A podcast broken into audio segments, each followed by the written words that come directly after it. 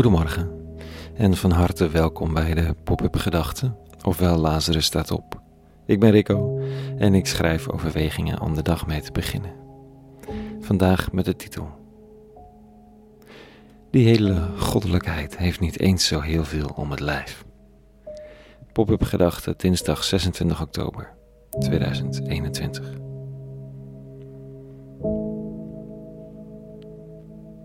Goddelijk goed, roept er iemand. Een fantastisch staaltje vakmanschap en ze waant zich een beetje in het paradijs, terwijl ze het zich goed laat smaken. Hier is het goddelijke een waardering voor een mens die presteert op het toppen van zijn kunnen in de keuken. Een brave burger zal het blasfemisch noemen, maar daar gaat het niet om. Wie boven het menselijke kunnen uitstijgt, door met bovenmenselijke inspanning, hier, bovenmenselijk heb je het weer, zich in te zetten, gecombineerd met bovengemiddeld talent, dat wordt samen al gauw iets goddelijks genoemd. Waardoor God een soort supermens wordt. Net als wij, maar dan met meer talent en meer toewijding. En wanneer is iets dan goddelijk? Als het niet onze knulligheid, maar enkel een succes bevat en dan heel veel ervan. Dat is misschien niet wat we zeggen, maar het zit verborgen in woorden als bovenmenselijke inspanning en het verheerlijkt uitroepen dat dit eten toch echt goddelijk goed is gemaakt.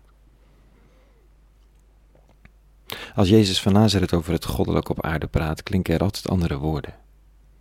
De rabbi is verbinding van hemel en aarde voor velen. Als hij langskomt, worden outsiders ingesloten, worden buitenstaanders opeens het grote voorbeeld. Kunnen mensen die afgevallen zijn omdat ze ziek zijn of wat dan ook opeens weer meedoen. En dan heb je ook nog die bizarre gebeurtenissen met de zee die stilgelegd wordt en het brood dat maar niet ophoudt om beschikbaar te zijn. Het is God op aarde, maar het ziet er zo totaal niet uit als God op aarde dat uiteindelijk niemand er echt aan wil. Het is te weinig, niet spectaculair genoeg, te weinig volgens de regels van de kunst, te weinig supermens, te ongemakkelijk, te rottig, te pijnlijk ook.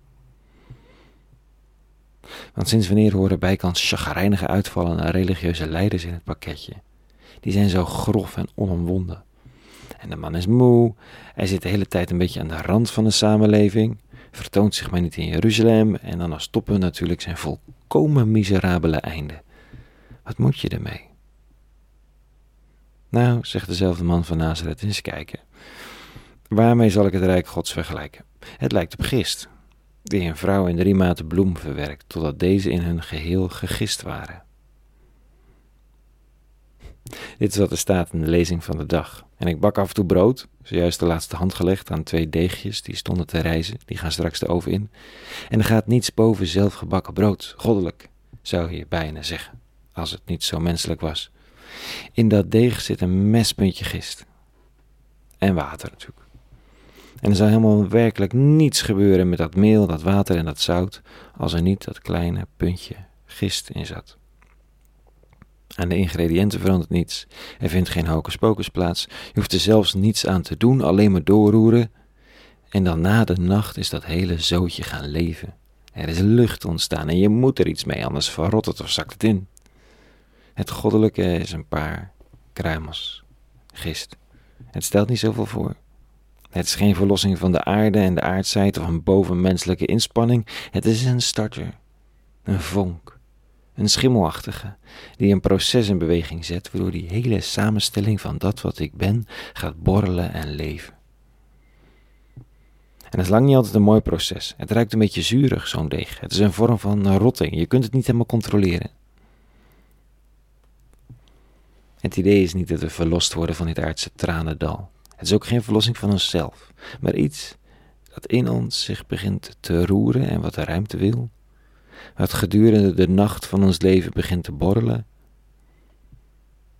Het kan frustratie zijn die opborrelt en luchtbellen maakt, die water en meel verbindt en de mens groter maakt dan hij of zij is. Frustratie over onrecht dichtbij of ver weg. Het is zomaar zo'n godgegeven starter.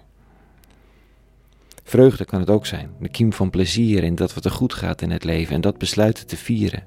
Een gist dat door het deeg trekt en ruimte creëert, soepelheid en verbinding. Nou, zo kan ik nog wel even doorgaan. Punt is, die goddelijkheid is zo groot nog niet. Het is een katalysator, een verbinder, een starter in de mens. Wie het ziet, ziet het. Jij weer ergens anders dan ik.